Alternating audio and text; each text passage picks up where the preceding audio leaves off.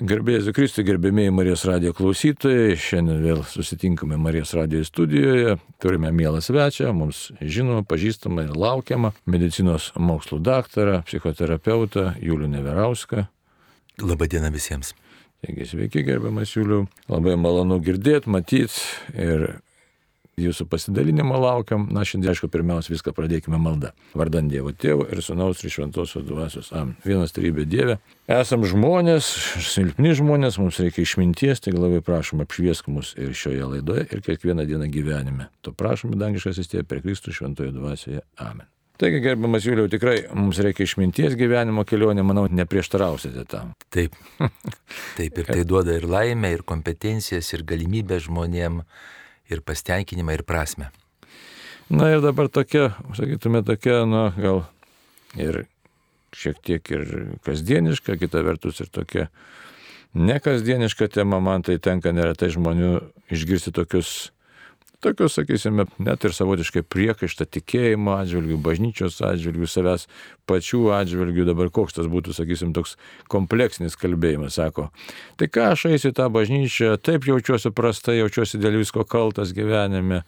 Ir dar čia prieš mišes reikia sakyti kaltas, kaltas, kaltas, nieko negaliu pasidžiaugti, tiesiog viskas man čia visur kaltę jaučiu.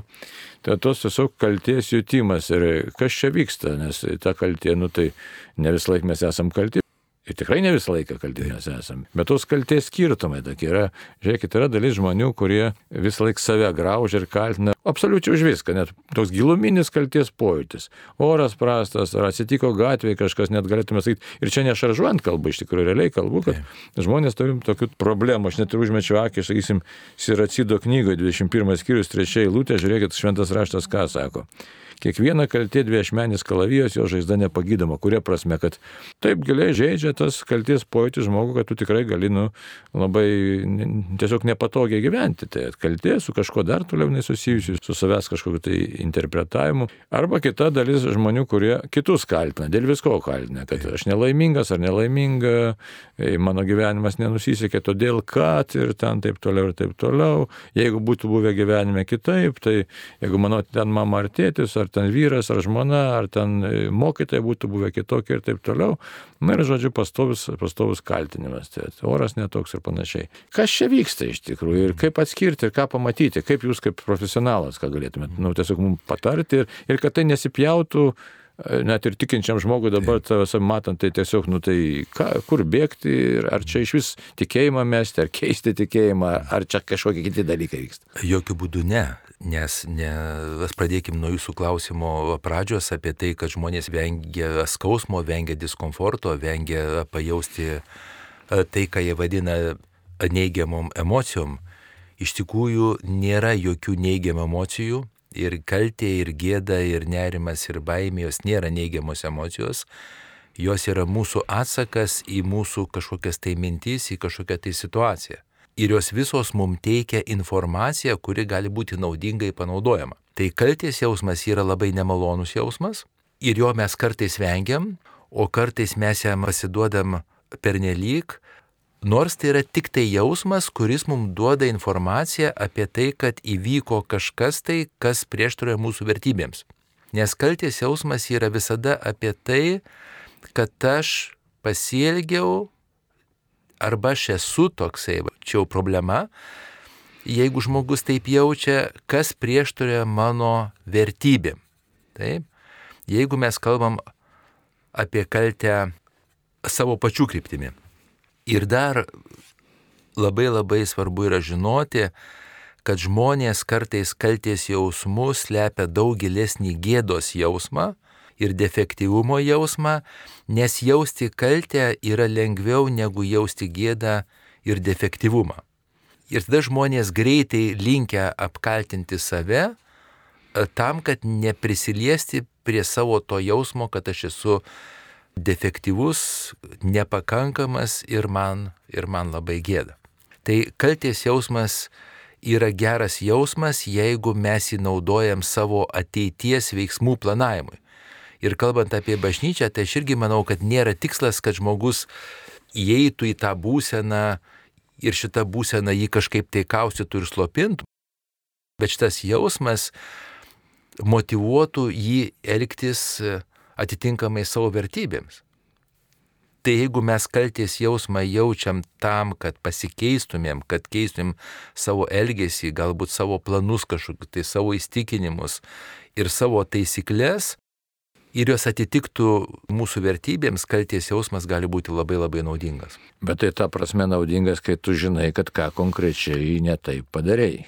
Čia jūs labai palėtėt labai labai svarbę temą ir jau savo anam klausime, tai jeigu žmogus jaučiasi kaltas dėl to, kad jis yra, tai dažniausiai šitas kalties jausmas yra įdėktas jiem ankstyvoji vaikystėje, iš artimųjų, iš mamos ir tėčio, kurie nepatvirtino vaiko savivertės ir tą vaiką visai menkino ir kaltino vien tik dėl to, kad jis yra, kad jis trukdo gyventi, kad jisai atima ir dabar dar kartais ir mamos ir tėčiai sako, jei tavęs nebūtų, tai tada aš gyvenčiau daug geriau.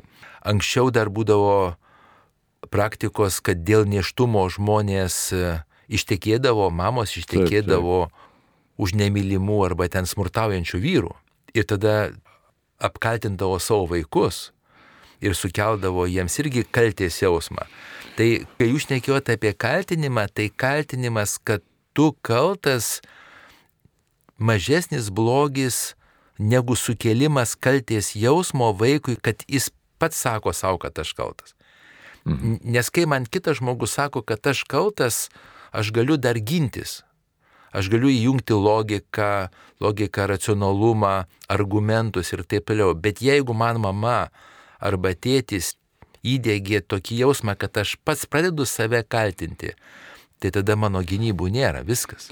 Bet tai tas jausmas labai giliai pasisėja, nes, sakysim, bet žinau tokių šeimų tikrai, kur, sakysim, kaip jūs sakot, moteris išteka Taip. dėl to, kad nešia, bet yra ir tokių vyrų, kurie veda todėl, kad, nu kaip čia dabar ne va tai atsakomybė. Taip nu, tikrai atsakomybė, aišku, vaiką turi išlaikyti, bet paskui visą gyvenimą į tą savo vaiką žvelgia kaip į kliuvinį, kuris neleido jam būti laimingu ir perkelia savo tą nelaimingumą tiesiog į, į tą vaiką ir vis pabrėžia, ypač, sakysim, išgėręs ir panašiai, kad štai tu man, vienu žodžiu, vos negyvenimą sugriovai ir taip toliau. Tai dabar ką daryti? Tai dabar tas tiek giliai įsisėda, įauga ir žmogus sako, aš, nu, tiesiog ką bedaryčiau, aišku, čia galėtume kalbėti, nežinau, kas čia neurotinis toks dalykas, ne? Neurotinis, taip. Neurotinis, ne? Tai, bet tai paliečia asmenybę. Lyguistas, taip. Ir žmogui labai sunku gyventi. Tai yra kelias iš šito jausmo, tai yra daug būdų, kaip su to galima atvarkytis. Tai vienas būdas yra laiko toksai atskirimas. Kai bet aš buvau vaikas ir kai aš buvau bejėgis prieš savo mamą, prieš savo tėtį ir aš priimdavau ir tikėdavau viskuo, ką jie sakė ir modeliuodavau jų tą elgesį, iškesi, imituodavau ir taip toliau, tai buvo mano praeitie, bet šiuo metu aš esu suaugęs žmogus. Ir aš atskiriu, kad šiuo metu aš esu jau su kompetencijom, su patirtimi, su savo pačio mąstymu, su savo jau pačio vertybėmis ir pas mane yra galimybė atskirti tas mano vaikystės patirtis nuo dabartinio mano mokėjimo. Ir kartai žmonėm tai yra sunku ir kaip jūs labai gražiai sakėte, neurotinio plano žmonėm. Taip, tai būtent žmogaus neurotiškumas ir pasižymi tuo, kad pas jį susipainioja smegenyse jo vaikystės patirtis, vaikystės tikinimai ir dabartinės patirtis ir elgesys dabartinis ir pats svarbiausia dabartinė savijauta. Taip, Nes būtent jaučiasi. Pas tą žmogų, pas tą žmogų vaikystės patirtis jam sukelia dabartinę savijautą situacijose, kurios jos smegenim jam primena kažkokią tai buvusią patirtį. Ir ta reakcija žaibiškai. Ir tai gali būti iš viso, gali būti kvapas, gali būti kažkoks vaizdas, kažkoks garsas, kažkokia tai situacija, ką mūsų smegenys prieima kaip buvusią patirtį trigerį, paleistuką. Ir pas mus pasileidžia viskas ir mūsų jausmai, ir emocijos, ir kūno pojūčiai, ir impulsai veikti, lyg tai aš buvau vaikystėje, bet nors man šiuo metu, nežinau, 40, 50 ar 70 metų. Bet tai čia vėl toks įdomus dalykas, ne vien tai, kad, nu, kaltas aš, ne, kaltas, nekaltas, kitas žmogus, kaip sako, kartais žmonės sako, atsikeliu iš ryto ir jaučiuosi kaltas, kad tiesiog Taip. egzistuoju, net ir tokių tenka girdėti pasakymų. Kitas dalykas, bet kadangi esu kaltas, tai žmogus negali džiaugtis, jis jaučiasi kažkoks kitoks ir prastesnis už kitus. O čia jūs labai gerai vėl palėtėte, tai jeigu žmogus atsikėlęs ryte jaučiasi kaltas, tai iš tikrųjų jis jaučiasi nekaltas, bet jis jaučiasi defektyvus ir nepakankamas. Jis tik tai tą jausmą savo vadina kalties jausmu, nes tai yra lengviau. Nes lengviau pas, kuria prasme? Tam žmogui nesjaustis kaltu yra lengviau, nes aš dar galiu kažką tai keisti, bet jeigu aš esu defektyvus gilumoje savo. Bet šiandien savo nepakank... klausytojui, ką tai reiškia defektyvus. Nepakankamas. Blogai sukurtas, blogai sukurtas, blogai sukurtas, aš kažkoks tai netitinkantis šio žemės standartų, netinkantis žmonių standartų o, žma, ir savo ja. paties standartų ir net sakyčiau gamtos ir gal net ir Dievo standartus. Mane, nes aš įtariu, kad pas šituos žmonės net nėra vagilaus labai na, pajūtimo, to tokio krikščioniško matymo, kad Dievas mane myli. Tai čia daugelis turbūt to neturi. Manau, kad jie Mūsų netiki šituo, tai. iš principo jie netiki šituo. Mhm. Nes jie mano, arba jiem įdėkta vaikystėje, kad aš esu toks, kad niekas manęs nemyli. Arba nes tam... manęs Aha. mama nemylėjo, mano tėtis nemylėjo, mano tenais kiti, tai reiškia, niekas manęs nemyli, įskaitant ir aukštesnės jėgas. Ir, ir turiu tą meilę kažkokiu būdu nusipelnyti, ne? Kažkas panašaus. Jo, bet čia yra dar, žinokit, dar kas yra blogai, nes aš labai stengiuosi, stengiuosi nusipelnyti, bet man niekaip nesiseka, nes man žmonės sako, kad aš ten ir pasiekiau kažką ir, taip, taip. ir padariau gerai, bet pas mane vis tiek, vis tiek ten giliai glūdi tas jausmas, kad aš esu nepakankama. O tas toks žodis nepakankamas, jisai būdingas šitiems žmonėms. Bet tai tas pažadina ir nerima giluminį. Tai daugiau ir nerima, čia žiūrint kam - pykti, liūdėsi, pavydą, taip. nusivylimą, pavydą, taip. Taip, tai labai daug jausmų kyla iš šito jausmo. Nes jeigu aš turiu sveiką santykį su savo verte, aš jaučiuosi, kad jeigu aš atsiradau šioje žemėje, o, o aš taip siūlau galvoti, kad niekas šioje žemėje neatsirado taip savo jeigu mes atsiradom šioje žemėje, tai mūsų reikėjo. Ir, ir aš atsiradau, reiškia, mane žemė prieimė, mane gamta prieimė, mane Dievas prieimė. Tai reiškia, aš esu vertingas. Ir kai manęs nereikės, tai jau patikėkim, mes, mes greitai iš čia išeisim. Kai mūsų nereikės šioje žemėje, taip, tai kol aš esu žemėje gyvas, kol aš mastau, kol aš jaučiu, kol aš egzistuoju, kol aš veikiu, aš esu atitinkantis šio žemės standartus. Aš taip sakyčiau.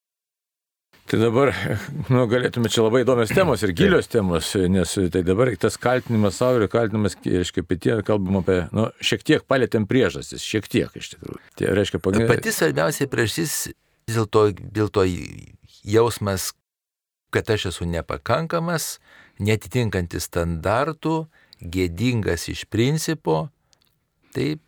Ir po to iš šito jausmo viskas kyla. Nežiūrėkit, kas su to kaltinimu gaunasi. Žmogus esmės jaučiasi nelaimingas. Jisai jaučia, kad kažkas su juo ne taip, jeigu taip grubiai pasakius. Ne taip. Kažkas ne taip. Ir paprastai arba save ima pjauti, kaip liaudiškai šnekant, arba taip. šalia esančių žmonės ir juos kažko tai kaltinti. Ir vis laik nukenčia tada, nu labai daug dalykų nukenčia. Nukenčia nėra džiaugsmo vidinio, nukenčia santykiai su artimaisiais.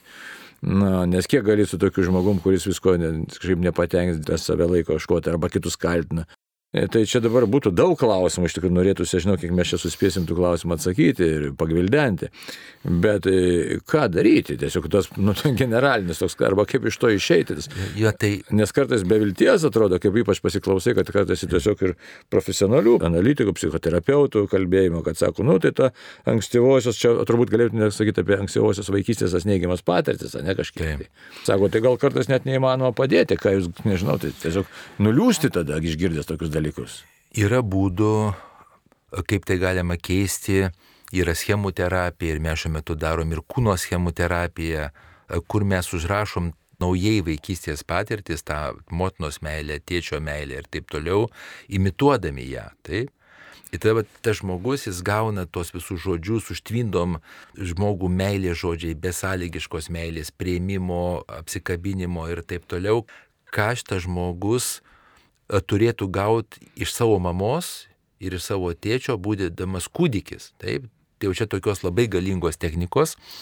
Bet iš principo, kai mes kalbam apie to žmonės, mes kalbam apie žmonės, kurie negavo meilės besąlygiškos meilės. Besąlygiškos Kaip kažkada ir laidą kalbėjom, kad tie Taip. penki principai Taip. nebuvo įgyvendinti. Besąlygiška meilė yra būtina sąlyga, jeigu mes norim nebūti ir nesijausti nepakankamais, defektyviais ir gėdingais. Taip? Tai jeigu mes šito nesam patyrę, tai pas mus nėra tikėjimo, kad mus kas nors gali mylėti ir net kai mes kažką tai, kažką tai gaunam iš kitų žmonių, kažkokią meilę, ar tenais romantinę meilę, ar ten kažkokią tai socialinę meilę, nu, nu, kad mus vertina e, kiti žmonės. Mes netikim gilumoje šituo, tada kyla pasipriešinimas, piktis, gynyba, ten gali būti ir kaltinimas ir kitam žmogui ir taip toliau. Tai aš jau bent siūlau, kiek galime atsiverti patiems pradėti mylėti kitus žmonės, kiek galime mokytis mylėti. Ir tai nėra būt, lengvas dalykas, taip, tai yra taip. labai sunkus dalykas, labai sunkus. Nes ne mes iš kur mes mokėsim mylėti. Bet tai šitas būtų tiesiog, dabar toks, nu, gal provokuojantis klausimas, bet toks labai rimtas man staiga kyla. Žiūrėk, kaip įdomu tam, žmogui jis jaučiasi prastai, jis jaučiasi kaltas, iš esmės gilumoje, kaip jūs jau įvardinot, jaučiasi defektyvus, tai yra nepakankamas. Ir štai dabar tokiam žmogui Ar kuningas, ar psichoterapeutas sako, klausyk, bičiuli, pradėk mokytis mylėti kitus žmonės. Tai jisai sako, žiūrėk, manęs niekas nemyli. Aš jaučiuosi sutriptas, nereikalingas ir dar suras galbūt, reiškia, tikrų ir netikrų argumentų, nes e, gali ir tikrų rasti argumentų. Štai manęs nemylėjo mama, tėtis taip toliau. Bet kita vertus, kadangi tas jau pasaulis matomas per tokius nemailės sakinius, tai ir to, kai tave myli, irgi nematai. Ir tada tam žmogui tas pasakymas, štai žmogau mokykis mylėti, jis tiesiog gali nuskambėti kaip pasityčiajimas iš pradžių. Aš pateiksiu vieną būdą arba vieną techniką, kaip tai galima siekti. Ir šita technika vadinasi susitikimas su savo vidiniu vaiku ir galime įsivaizduoti, kad mes sutinkam kažkokį tai vaiką ar berniuką ar mergaitę vaizduoti, kur va, tas vaikas yra mes vaikystėje. Arba mažas berniukas mano atveju ir jūsų atveju, arba mažoji mergaitė e, keletos metų, taip, bet jeigu moteris daro šią praktiką. Ir tada galim įsivaizduoti, kad šitas vaikas yra nuskriaustas, jisai liūdį, jisai verkia, jis yra pažeistas ir taip toliau. Tai kaip mes elgsime su šituo vaiku? Ir čia puikia praktika yra, kaip mes jį apsikabinsim, atsitūpsim, paglostysim, pradėsim kalbinti. Ir tada mes pradėsim rūpintis šituo pažeistu vaiku savo viduje. Tai jeigu mes kalbam apie meilę kitiems žmonėms, tai mes turėtumėm pradėti mokyti juos mylėti savo vidinį vaiką, savo vidinį berniuką ir savo vidinę mergaitę. Ir kai kalbam apie meilę savo, tai irgi daug labai mano klientų ir žmonių sako, ir mano mokinių net, psichoterapeutų sako, o kaip man mylėti save? Taip, aš noriu klausti. Tai, ką reiškia mylėti save? Tai, tai va aš atsakau. Rašausi dabar. Tai reiškia mokytis mylėti savo vidinį vaiką. Nu, bet palauk, mylėti vidinį, tai ką jam parodyti dėmesį ar su šiluma? Pradėti rūpinti savo vidiniu vaiku, tai šnekėti su juo taip, kaip šnekėtumėm su pažeistu vaiku, apgaupti į šilumą, o taip kaip apgautumėm tą vaiką, įsivaizduot, kad mūsų viduje yra vaikas, arba kam sunku įsivaizduoti, kad va čia va yra šalia mūsų, aš vaikystėje, ir padėti žiūrėti tą vaiką su meilė, su šilumu, su rūpešiu, su atjauta, su empatija. Ir tada mokytis tokio elgesio būdo, būti švelniem tam vaikui. Ir tada mes išmoksim po truputį, ne iš karto, mhm. daug kartų praktikuodami mes išmoksim švelniai, rūpestingai elgtis su savo vidiniu vaiku ir tada su kitų žmonių vidiniais vaikais. Nu, čia reiktų Čia sudėtingas dalykas, Jo, bet- bet... man atrodo sukonkretinti, nes dar vieną matau tokią rimtą problemą. Neretai, kai žmogaus paklausia apie vaikystę, sako, ypač tie, kurie patyrė jau tikrai tokių rimtesnių traumų, ilgalaikių, ar ne, jo, paprastai, bet sako, žinai, aš sako, vaikystė nieko neatsimenu, arba Taip. Kai reikia prisiminti vaikystę, kadangi ten įvairių dalykų, kaip jos nesaugios meilės daug, sako, mane apima liūdėsys ir aš nenoriu Taip. apie tai galvoti. Tai, va, tai na, dabar kas, me- tai pažįstamas reikalas. Tai kaip šitą įveikti ir kaip to kokia galėtų būti praktika? Jūs mes- sakote tiesą, daug žmonių užkerta kelią, šitos būsenos užkerta kelią mokytis mylėti e, save. Tai atsakymas yra toks, kad e, šitą reikia daryti su tais, kurie moka daryti, specialistai, šiuo atveju schemų terapeutai, vat, ką būtent mes darom. Ir mes padarom tą saugią vietą, atmosferą saugią, e, saugias praktikas labai, kad va šito žmogaus gynybos jos mažėja ir šitas žmogus pradeda mokytis kalbėti su tuo vidiniu vaiku. Arba savyje, arba kitame. Ir mes darom dviejų dienų, tai vadinamą paskūno ir schemų terapijos praktikas ir matom, kaip žmonės, jiem pradžioj net sunku atrasti žodžius, pasakyti gerą žodį, švelnų Sau žodį. pačiam, kažką-? Taip, savo pačiam yra ir labai labai sunku.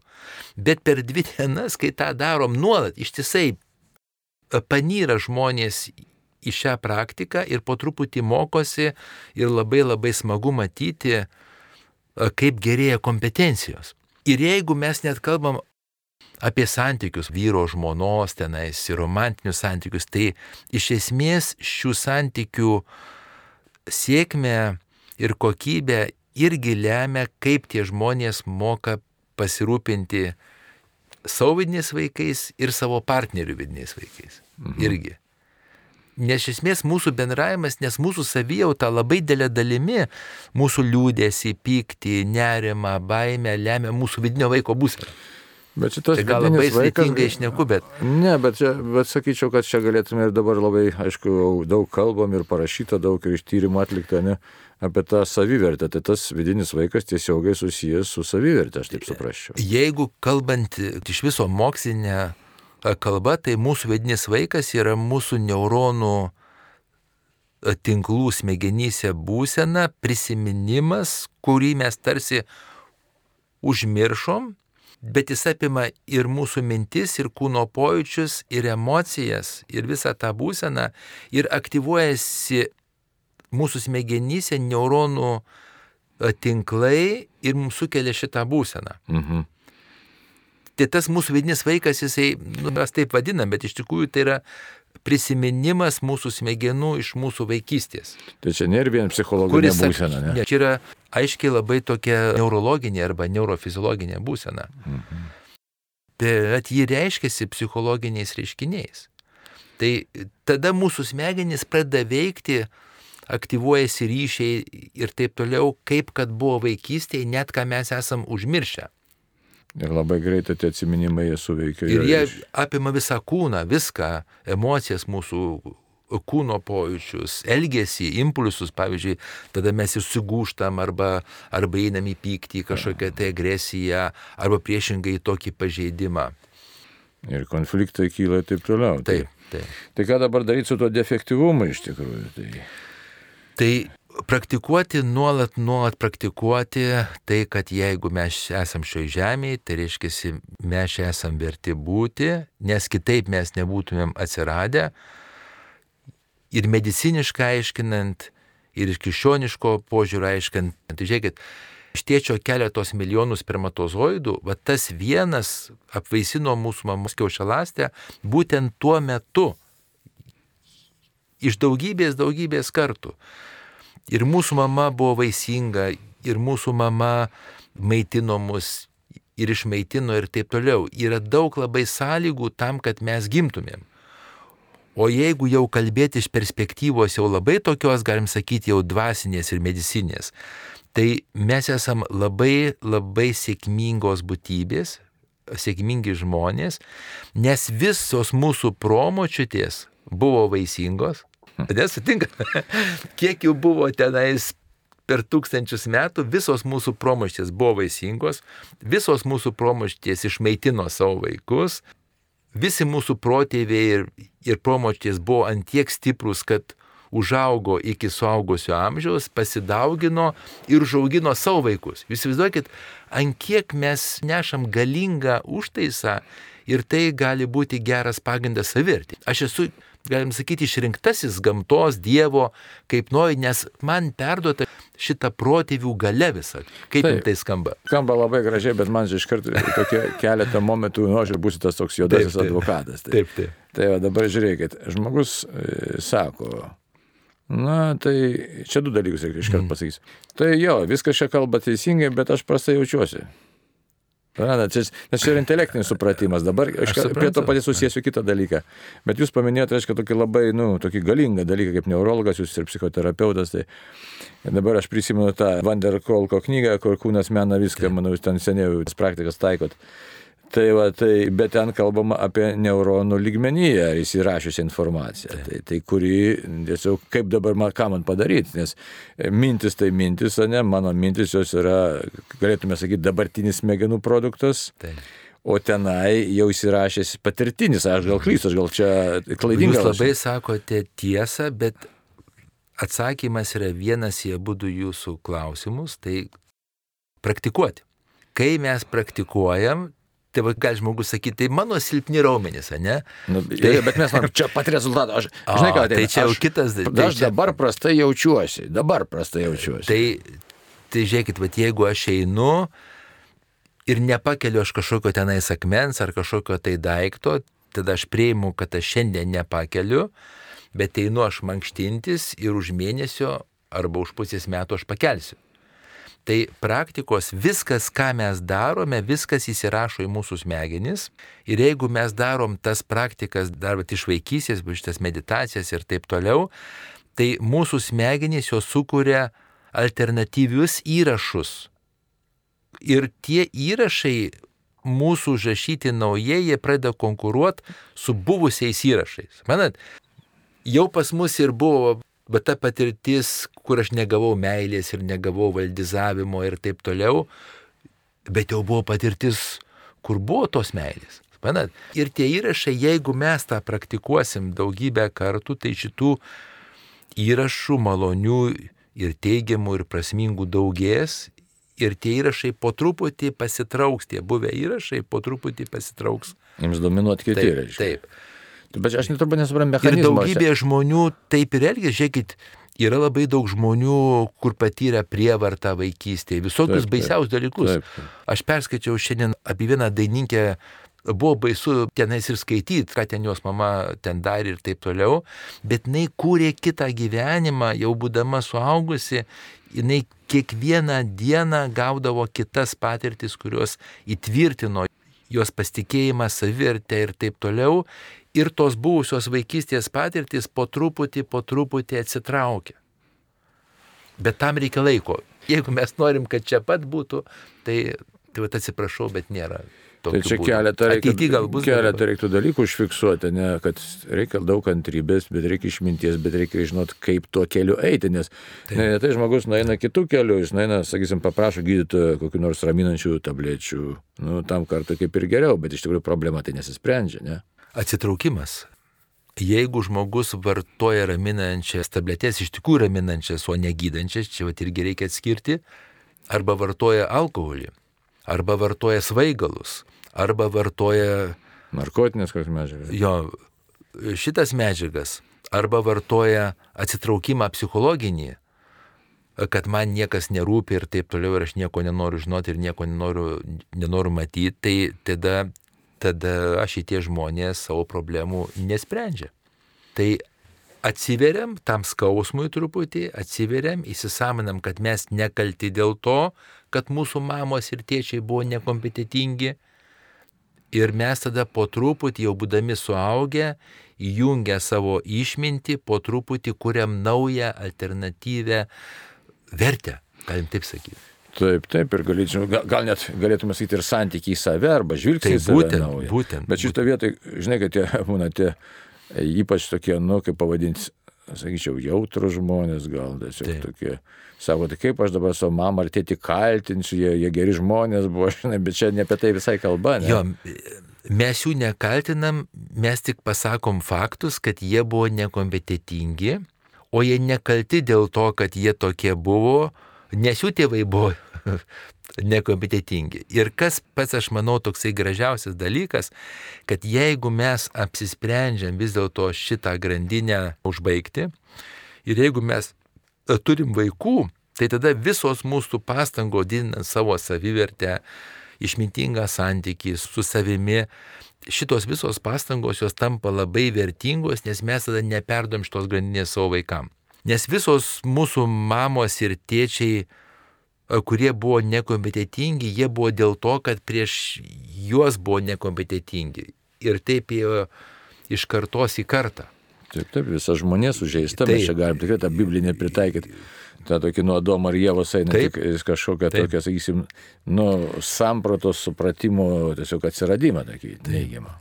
Gerai, tai dabar e, dar grįžtant, e, kiek dar laiko turime, tai vis dėlto kaip dabar atskirti, ką daryti, vėlgi aš su tą savo grįžtą į tą pradinį tašką, štai aš jaučiuosi kaltas, kaip man objektivuoti viską, kad tai ne viskas yra teisybė, kad jis tas jausmas nėra teisybė, kad pradėti tą naują kelionę, kur aš, nu, ir gal šiek tiek ir apie tą schemų dar terapiją ar praktiką šitas, arba jeigu ne, tai sakysim, gal ne visi gali patekti pas psichoterapeutą ir, ir brangokas užsiemimas, bet ką galima būtų asmeniškai net nu namie padaryti, ar įmanoma kažką padaryti. Grįžtu prie jūsų pirmo klausimo, kai mes kaltinam e, kitus žmonės. Tai aš siūlau, ir tai yra lengviausia atsakyti, kaltinti kitus žmonės dėl savo nelaimių.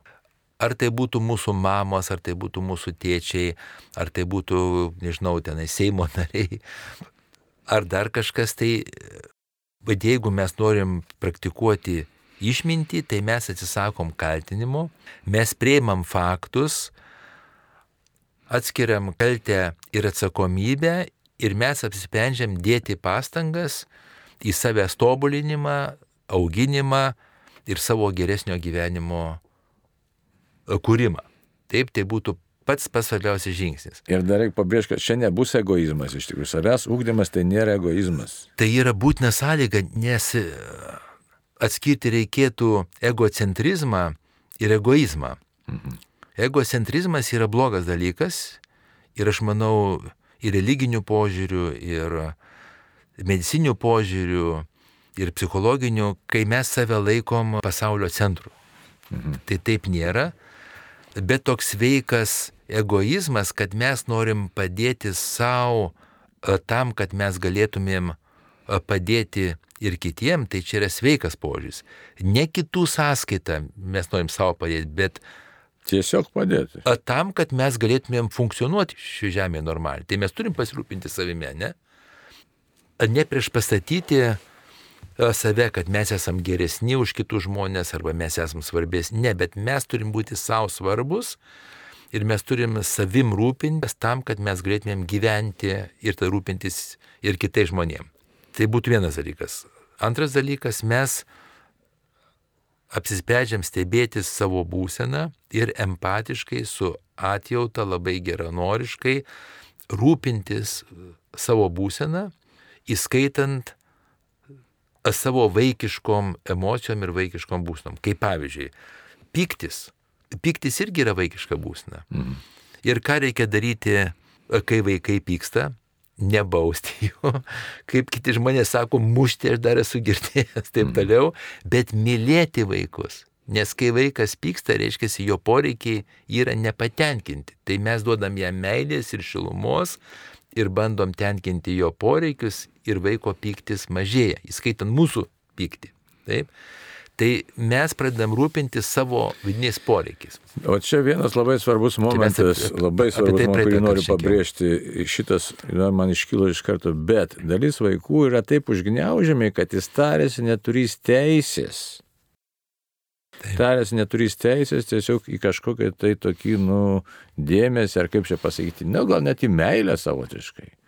Ir čia irgi turbūt samoningai savo reikia pasakyti, aš turiu tą tiesiog tas. Taip, tai jeigu mes jau esam suaugusio amžiui, tai mes tai įjungiam savo protą ir savo išmintį ir atskiriam, kad man ta mama ir mano tėtis taip į mano galvą bandė įkalti, dėl to, kad patys buvo pažeisti, taip, bet šiuo metu aš atsisakau žaisti jų žaidimą. Aš, žiūrėk, Aš atsisakau, aš atsisakau, aš jau noriu savo gyvenimą gyventi, o ne savo mamos gyvenimą.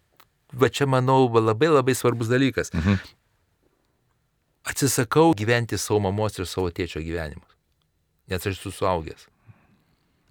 Nes, Tai- manau, ne vienas ir girdės, nelysk, netrukdyk, ne, ir Jo. panašiai, ir panašiai. Tai, tie dalykai. Ir kitokios formas tave. Tai va, taip, kad čia, aišku, visko mes šiandien išsiamsim, tik dar man. Ir dar vieną va, noriu a, pabaigai. Mes galim tapti savo pačių geraisiais tėvais. Va čia labai labai geras dalykas yra. Čia dar norėčiau vis tiek truputį pabrėžti, kaip save pamatyti kaip vidinį vaiką. Kaip, kad, kad būtų aišku ir klausytojui, ir man, ir kaip pamatyti, kad aš kaip, tiesiog galbūt ar vaizduoti, ar kaip čia pamatyti. Tai va, tai būtent šitoj praktikoje prisiminti galima, kai mes jaučiamės blogai, tai mes galim grįžti į savo vaikystę ir prisiminti kažkokias tai situacijas, kai mes jautėmės taip pat kaip šiuo metu. Prastai, ta prasme. Taip. Ir tada prisiminti, kaip mes atrodėm, gal nuotrauką savo matom arba Mhm. žinom, arba vaizduoti įsikurti, va tą mažą berniuką ir taip toliau. Tai Ir jam parodė dėmesį. ir jam parodyti dėmesį. Ir visų pirma, intencija. O tas irgi labai svarbus žodis, mes turim vidinę intenciją pasirūpinti šito, šito verkiančių vaikų mūsų viduje. Nes kai mes verkiam, ar kai mes jaučiamės aukos, ar kai mes jaučiamės nuskriausti, ar kai mes jaučiamės silpni, tai iš tikrųjų mes perinam į vaiko būseną ir net prieš mirtį arba sergantys žmonės, jie būna tokioj vaiko būsenoje. Pasakysiu labai labai dabar tokią stiprią, stiprią mintį. Jeigu mes norim prieš mirtį irgi savotiškai jaustis geriau, išeinant ir taip toliau, tai tada vat, būdas yra mokytis rūpintis vidinių vaikų savo ir mes prieš mirtį tada ant savęs nepyksim, ant aukštesnių jėgų nepyksim, ant Dievo nepyksim ir taip toliau, bet mes rūpinsimės būtent tą savo būseną, tą savo vaikišką būseną. Tai čia yra labai, nu, toksai, nu, sakyčiau, iš viso jau toksai gilus dalykas. Taip. Nu jo, čia galim tęsti ir tęsti. Bet galvoju, jūs ten turit savo šitą ir YouTube, žmogaus institutas, net ten paskaitų. Yra daug praktikų nemokamų, galima ir paskaitų pažiūrėti, ir seminarų žmogaus institutas arba žmogaus psichologijos institutas ir YouTube daug labai informacijos, įskaitant praktikas. Taip, nes čia kelias, čia tai mes, aišku, palėtėm labai prabėgom, čia kiekvieną žodį faktiškai čia galima čia galima. tęsti ir tęsti Ir- atskiros. Ir čia labai gilus dalykai. Tai, Ir verta, manau. tai žinoma, ir man vėl pakilo mintis, kažkada be esam kalbėję, užsiminę ir manau, kad vėl reikėtų pakalbėti apie, nes tai ta kaltė tai susijęs su to toks, kur mano tikrasis interesas yra iš tikrųjų. ne? Tai, va, taip, kad... tai ką, gerbamas Juliu, ką palinkėsit Ačiū. klausytojai dabar šį kartą? Būti gerai savo. Mokytis, gal taip sakyčiau, mokytis su permaininga sėkme, mokytis būti gerais savo ir savo vidiniam vaikam. Mylėti save ir Taip, mylėti kitus. taip, ir čia matot tas įstrigo, kad visą gyvenimą reikia mokytis mylėti. Ne? Ir dar žinot, kad mus myli. O, irgi, irgi o, labai. Neprisimti per didelės atsakomybės. ne? Taip. Kągi, brangiai, tai labai malonu svečiuose pas mus, tiksliau pas mus Marijos radijai, buvo šiandieną gerbiamas medicinos mokslų daktaras, psichoterapeutas Julius Neverauskas. Labai ačiū gerbiamas Juliu. Ačiū labai. Ir brangiai, tada tam kartui dėkojom Dievui ir sudė. Sudė.